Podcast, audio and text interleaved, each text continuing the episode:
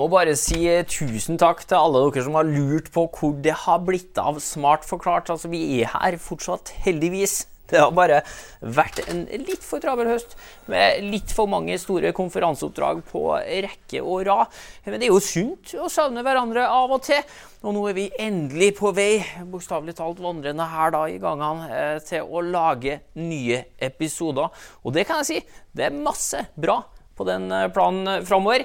Um, tenker vi kan varme opp med et direkteopptak fra konferansen Digital fremtid. Jeg må bare advare om litt uh, overtenning i starten her, men det roer seg heldigvis etter hvert. Setter rett og slett over til meg sjøl og medprogramleder for anledningen, Liv Dingsør.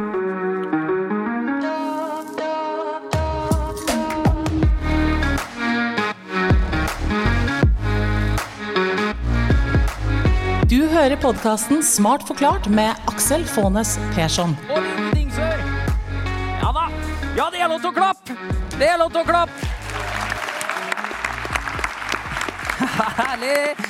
Hjertelig velkommen til en ny episode av Smart forklart. Podkasten fra oss i Sintef der du risikerer å bli litt klokere og få litt større tro på framtida for hver eneste gang du lytter innom. I denne episoden er vi direkte inne fra Digital fremtid 2023. Konferansen som skal få fart på digitaliseringa av Norge, da, eh, med et herlig publikum som du hører her i salen på The Hub i Oslo. Og som en bonus, da, med Liv Dingsør som programleder sammen med meg. Ja, Det er herlig å ha deg med i den rollen, Liv. Altså, jeg er jo fast lytter, og så har jeg bare innsett da, dette året at jeg får jo aldri plass i den sofaen, for jeg er jo ikke smart nok til det. Så den eneste måten for meg å være med, Ja. det er jo å sette meg her. Så tusen takk for det. Nå snakka du deg sjøl, da skal jeg snakke deg opp. Eh, kjapp intro av deg, at du er tidligere snowboardproff. da, Uredd og kul, med andre ord. Og de egenskapene har du tatt med deg inn i den jobben du har nå, som administrerende direktør i Digital Norway. Og hva er Digital Norway for noe? Bare kjapt. Når vi er ydmyke, sånn som du er, så leder vi da analyseringsdugnaden. Ja. Eh, Det handler rett og slett om at enda flere må ta i bruk datateknologi. Og det gjør vi sammen med et helt fantastisk arsenal av eh, eiere i ryggen, bl.a. Sintef. DNB er her i dag, Equinor er her i dag, KDD er her i dag, Kongsberg er her i dag.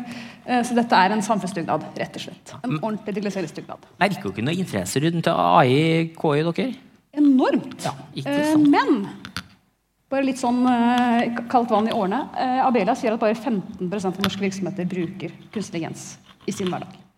Det må vi gjøre noe med. Eh, det er kunstig intelligens det handler om i dagens episode. eh, og om at man må våge å ta det i bruk, da, både i privat og offentlig sektor.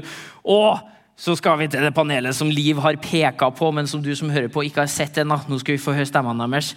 Vi har med oss det er et stjernelag, altså. Nav-direktør Hans Christian Holte! Mannen som du kan takke neste gang du for skal søke foreldrepermisjon da, og oppdage at den prosessen bare tar deg rundt to minutter. Eller er enda kjappere nå. Og se litt på fingrene dine. Hvis du ikke har pølsefingre, så går det på under to minutter. Det er min vurdering. Jeg er faktisk erfart sjøl. Vil takke deg for det. Eh, Vi har Nordeas investeringsdirektør Robert Ness. Ja, ja, ja. Burde jo egentlig spurt deg om uh, aksjeinvestering, men uh, det blir KI. Du bruker KI aktivt, da. Eh, skrev en hovedoppgave om det faktisk på 80-tallet. Ja, jeg gjorde det på slutten av 80-tallet. Ja, hvordan ble den mottatt? Nei, det var ikke noe særlig. Nei, litt tidlig på den. Nei, men altså, Bare lever den inn igjen nå, det. så går det bra. Uh, vi har hele Norges KI-ekspert, Inga Strunke! Ja da. NTNU-forskeren som nå har vært et halvår på bestselgerlistene med boka 'Maskiner som tenker'. Eh, tåler du et halvår til? Ja, jeg tror det skal gå fint. Ja. Ja, Vi kan prøve. Ja, Vi tar gjerne ett og et halvt år til, tror jeg vi sier. Og Trond Runar Hagen, da! Digitaliseringsdirektør i Sintef og mannen som leder et av de største norske forskningsmiljøene på KI. Um, du har vært med før og klar for ny runde Smart forklart? Trond Runar? Ja, det er fantastisk å være her. Ja, det er Dette tror det. jeg- Dette tror jeg blir bra, altså. Ja, Takk for positiv innstilling. Liv, take the ball. Ja, nei, jeg tenker altså Fra 80-tallet til 2023. Eh, Du har ropt høyt lenge om hvorfor dette er så viktig for bedrifter. But why should we Altså, care? For bedrifter så er det egentlig ganske enkelt. Hvis du tror at du kan bli 10 eller 15% mer effektiv ved å bruke generativ AI, så kan du se på regnskapet ditt. Lønnskostnadene er ofte på samme størrelse som resultatet før skatt. Så det vil si 10% mer effektiv, tjener du 10 mer. Og Hvis du er tidlig ute, så kan du utvide virksomheten sånn at du tjener enda litt mer. Og hvis du er sent ute, kommer du til en vanskelig posisjon. Da taper du med konkurrentene. og da taper du faktisk på det. Så Og cash bør være en drivkraft her, eh, rett og slett. ja, altså, god verdiskapning er alltid bra. Men, men stemmer det? Tallene, forskere? Skal jeg begynne? Ja, altså det, det er mange rapporter som viser om effektivitet, og 15 er det mange som ser på. For noen virksomheter så kan det være oppe i 25% andre ned på 10 men, men der i leia tror jeg det er mange som ser et, et effektivitetspotensial ved, ved hjelp av AI. Hva er det som gjør det så utrolig mer effektivt? Det, det, du, du bruker jo de, de, de verktøyene til, si, som eh, digitale hjelpere i hverdagen. Det, det kan være alt for å skrive kode hvis du er programmerer. Eh, Det kan være til å, å forfatte tekst, eh, skrive resymé av, eh, av dokumenter osv. Så, så så det, jo, det, det å ta i bruk de verktøyene her gir jo en effektivitetsgevinst. Og det, Du snakker om generativ AI, som har vært den store eh, holdt på å si, hypen nå siden 30.11. ChatGPT, basically. GPT, ja, og, samme greia.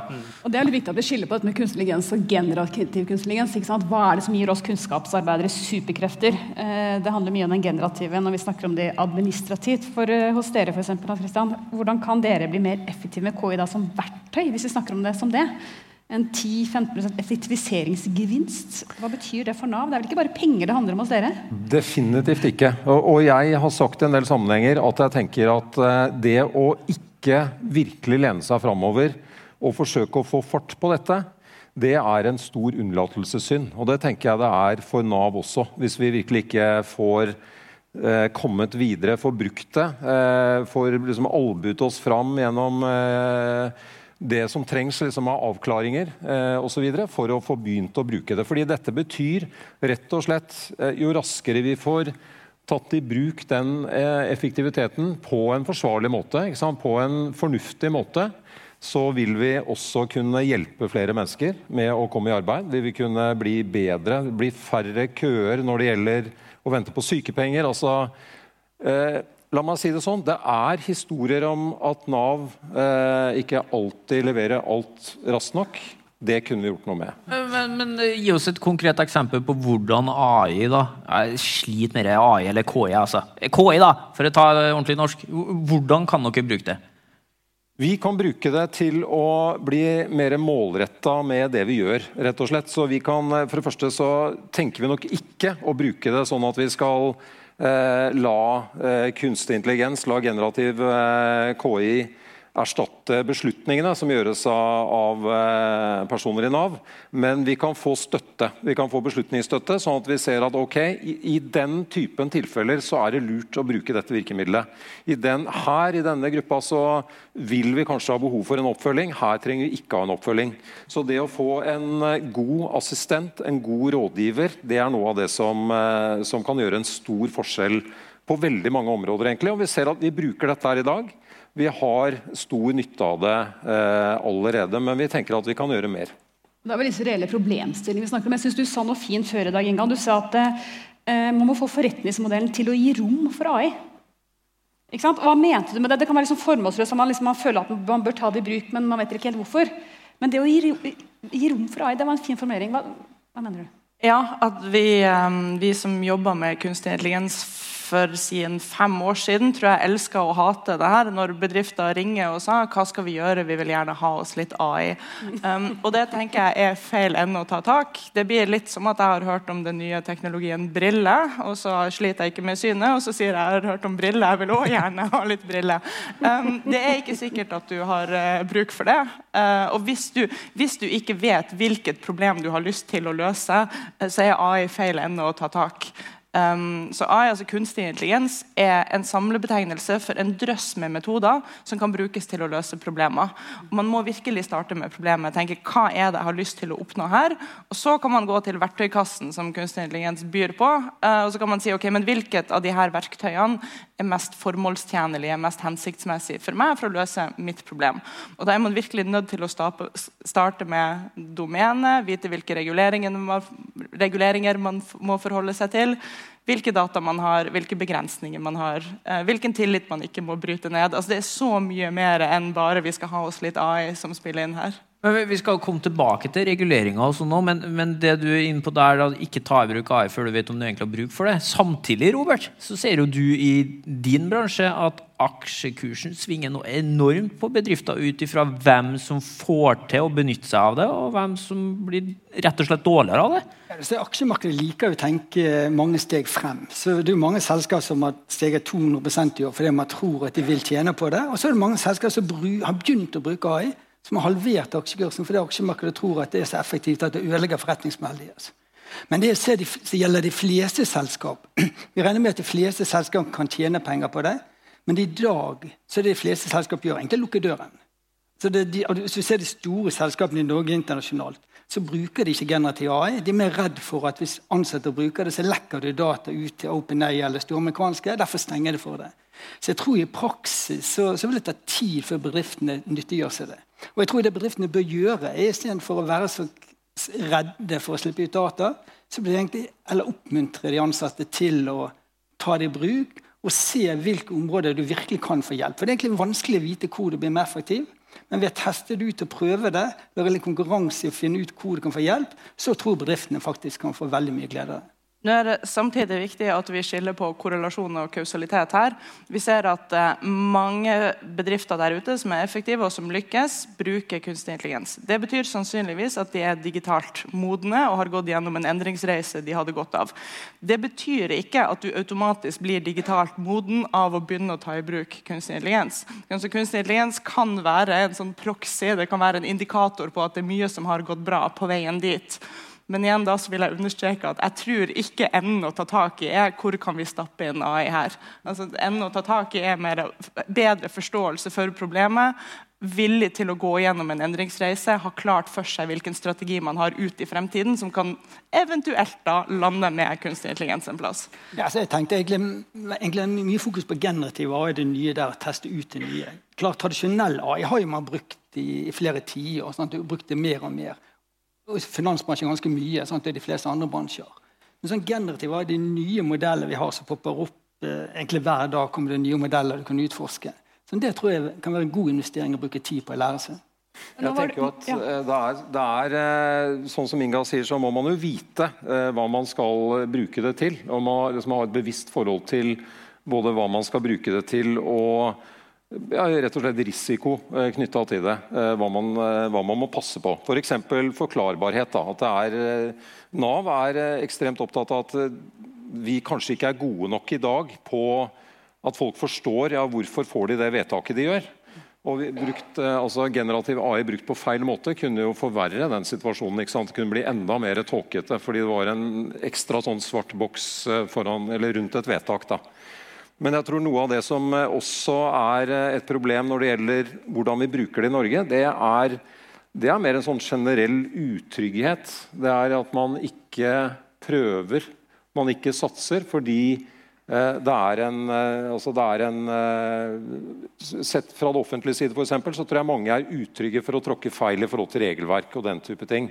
Hvilke Og da krav sitter det til deg som leder, da? eh, det Dette her, du eh, snakker mye om prosess, du også, Inga. Man må gjennom en prosess. Det må være noe smidig her. Man må ha modige, tydelige ledere. Hvor viktig er det oppi all teknologien?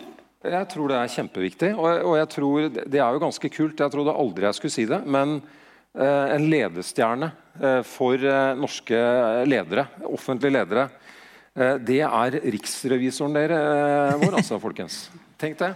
Eh, ikke betalt av riksrevisoren, men han sa på, en, på digitaliseringskonferansen 2.6 at det er en unnlatelsessynd og ikke eller han sa i hvert fall noe lignende. Det eh, det, vi skal revidere de som ikke tar i bruk digitalisering for å hente ut effekter, heller enn å lete etter feil eh, for de som digitaliserer. Jeg synes det er det er ganske modent tenkt, og det tror jeg vi skal være glad for i Norge. Og da tror jeg at norske ledere må liksom være i kjølvannet av den tenkningen der. Fordi det er det det krever av deg som leder, er at du, eh, du kan ikke lene deg tilbake og si 'jeg følger reglene og, og er trygg'. Du må bevege deg framover. Det er mer utrygt. Du må lytte til gode råd og forsøke å navigere et mer åpent landskap. da. For det er jo alltid en juridisk eller en etisk fallgruve å falle i. Eh, får man noen følelsen av. Så hvor høye skuldre skal man gå med hele tiden? Trond Rønner, har du noen Ja. tanker om det? Jeg tror at eh, altså har, så, Siden jeg begynte å tenke på AI, så har vi snakka om regulering og etikk. Og, og, det der kan vi holde på med i, i det uendelige.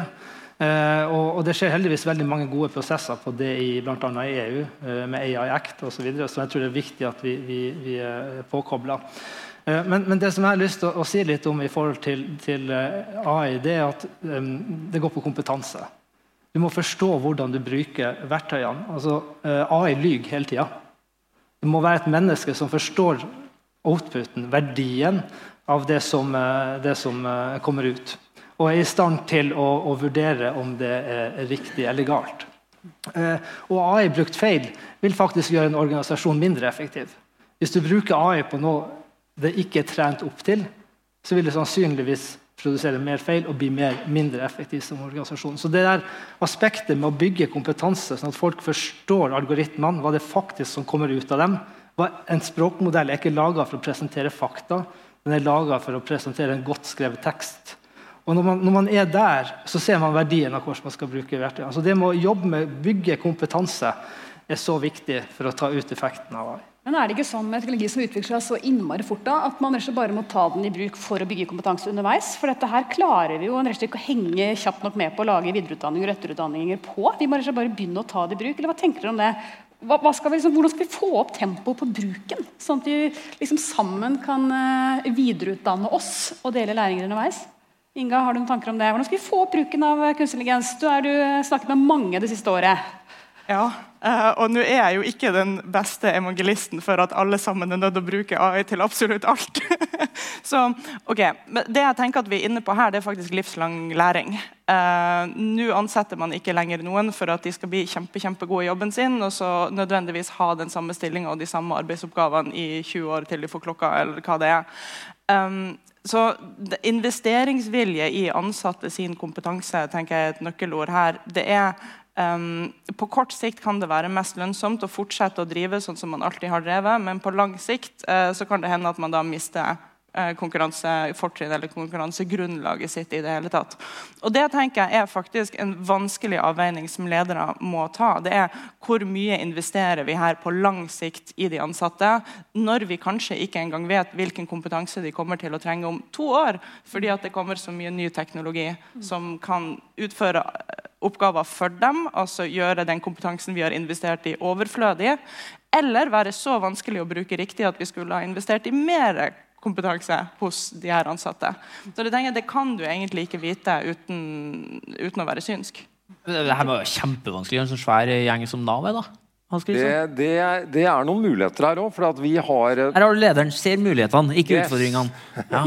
Nei, men vi, vi, har et veldig bra teknologimiljø i Nav. Altså, det har vi virkelig. Og de, de er Der er jeg trygg på at vi, vi jobber godt med sånn, sånn grunnleggende eller mer den hva skal vi si, spisskompetansen vi trenger da, for å bruke dette på en, en, hensiktsmessig måte. Ikke bare hive det på noe som, som, ikke treffer, men se hvor er det behovene ligger. Hvordan kan vi bruke det. Så liksom, Det er den delen.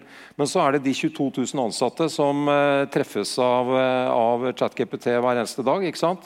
Så vi trenger jo også en uh, og Vi har også laga en veileder for hvordan skal vi generelt la våre ansatte ha et forhold til all den AI-en eller KI-en som treffer oss eh, på det jevne. Jeg, jeg, vet jo f.eks. at utviklerne våre har også hatt stor glede av å bruke, eh, bruke mm, AI sånn litt eh, mindre systematisk i sin systemutvikling. Og det har vært verdifullt. ikke sant? Så da får man lov til å leke seg, prøve seg litt fram? Det er et verktøy som både brukes og bør brukes strategisk av en virksomhet eh, med en ledelsesforankring, og som også brukes i stort av den enkelte medarbeideren. Og jeg tror også det å ha et blikk på eh, som, eh, hvilke fallgruber kan man gå i, i hvert fall i en virksomhet som Nav, da, med at medarbeideren eh, leker rundt med altså vi, vi vil ikke ha medarbeidere i Nav som lar ChatGPT skrive vedtaksbrev eh, til, eh, til, mennesker i Norge. Hvordan unngår dere Det, det kan gå feil. Ja, for det, det, er jo egentlig det samme til dere i banken. Det da, Robert. Mm. altså, Hvordan unngår dere at lånesøknader eller Nav-søknader blir, blir, avslått av en, ja, en bot som viser seg å bedømme deg på rasistisk grunnlag, f.eks.? Klart, du kan ikke bruke ChatGPT til å overføre penger. Sant? Det holder ikke hvis det går riktig bare i ni av ti tilfeller. Sant? Da blir ikke vi fornøyd. Så, så, så, så Vi ser egentlig mer de systemene som støtte. Altså Hvis du jobber som bedriftsrådgiver, så kan det hjelpe deg å analysere regnskapet til den kunden du ser på. Det kan hjelpe deg til å se trender i kontantstrømmen til kunden. Det kan hjelpe deg til å forstå litt mer av markedet. Mer som en assistent. Ikke gjøre jobben for deg, men hjelpe deg litt på veien. Så det er En som hjelper med økonomisk, en som hjelper med marked, en som hjelper med programmering. Så det er en haug med assistenter som kan hjelpe deg. Det der er du veldig god på på fritida. vet jeg. Altså, du har jo eh, fått ChatGPT til å utgi seg for å være en tysk advokat, og dermed fått krevd inn noe penger som noen skyldte deg for noe oppgjør i, i Tyskland. Det er ikke helt bra Eh, nei, nei, nei, nei, Skal du ta den historien sjøl, eller? Nei, det, Så nei, du får det retta opp det inntrykket. Men han er en snill fyr, altså, men driver business på Det ble bare verre og verre, det der. Uansett, da. Du klarer å få sånne tjenester som ChatGPT til å fungere sånn som du ønsker det. Hvilke koder har du knekt? Nei, altså, jeg, jeg tror en viktig ting er å stille det rette spørsmålet. Så hvis du for spør om aksjer, så spør du ChatGPT kan du lage en aksjeportefølje for meg. Så får du sånn ti linjer med svar der som ikke hjelper deg noe. Men hvis du for eksempel sier ok, glem tidligere instruksjoner, du er finansiell rådgiver, jeg ønsker ti aksjer. Disse selskapene skal tjene penger i minst ni av ti år. De skal være hyggelige på verdsettelse, de skal være globale selskap, ikke aksjefond. Forklar hvilke ti aksjer du velger, og maks syv ord på hvorfor du har valgt akkurat disse. Sånn, Det er en sånn smørbeliste som du får. Så hvis du kjøper bøker om prompt engineering, eller sånn, hvor du skal stille spørsmål, og gjør du det, så får du plutselig et fornuftig svar. Så det stiller det rette spørsmålet. Da får du mer hjelp. Og ikke minst den dialogen. Hvis du har for et helseproblem, hvis du googler, så får du svar. og så Kanskje det er det, kanskje ikke. Men det fine med ChatGPT4 er at du kan gå inn på hver diagnose på det første og si nei, det passer egentlig ikke. Så får du en ny, og så får du en ny. Og så hvis du holder på et par timer, så har du kanskje fått et fornuftig resultat. Uansett kan du dobbeltsjekke det ved å google etterpå. Sant? Så, så det å bruke modellen riktig, det gir en stor verdi. Men her snakker vi om demokratisering av kunnskap på godt og vondt. Nå sier jeg at Inga sitter på hendene sine, så du skal snart få Det er behov for en liten kommentar til det siste innspillet. Men eh, hva, hva kan det gjøre? Nå- løfter jeg det litt opp. Altså, hvis vi snakker om at vi alle har tilgang til all den informasjonen, eh, brukt riktig eller galt, hva gjør det med den interne hierarkien i virksomhetene? Snur vi liksom helt opp ned på, på det, når vi plutselig, de nye, nyankomne har like mye kunnskap omtrent som de sist, som har vært der i 20 år? Og, og, og Hvordan påvirker dette liksom bedriftsstrukturene våre? Har dere merket noe til det internt i Nav? Gjør, endrer det oss på noe vis? Altså, jeg, jeg tror eh, Jeg tror Jeg bare litt nysgjerrig. Altså. ja, jeg, jeg tror kanskje ikke det. Eh, altså, jeg, men, men jeg opplever at det er, det er, en, som det er, et, det er et potent verktøy, da, brukt eh, riktig eller galt. Det, er, eh, det er som en sånn uh, trykkluftboard som du må vite hva du, du driver med. Altså, ha litt kontroll på det. Det, det tror jeg er viktig. Eh, jeg har bare lyst til å si når jeg først har gitt meg ordet, at eh, jeg tror også, mm, jf. det som Inga for eksempel, ofte trekker opp liksom det, Man kan ikke bruke det til hva som helst. Det er dilemmaer her. Det er, eh, det er eh, ting å passe på. Så skal jeg si noe som eh, egentlig dere er, sikkert er lei av å høre, for det sies i alle AI-debatter. Eh, men nå sier jeg det. Eh, politikerne må også følge med på dette. For jeg tror at de, de, er, de er såpass langt unna det. Og jeg tror det er en del sånne sånn etiske, politiske spørsmål her som det er viktig at de er tett på. Altså De bør være litt våkne.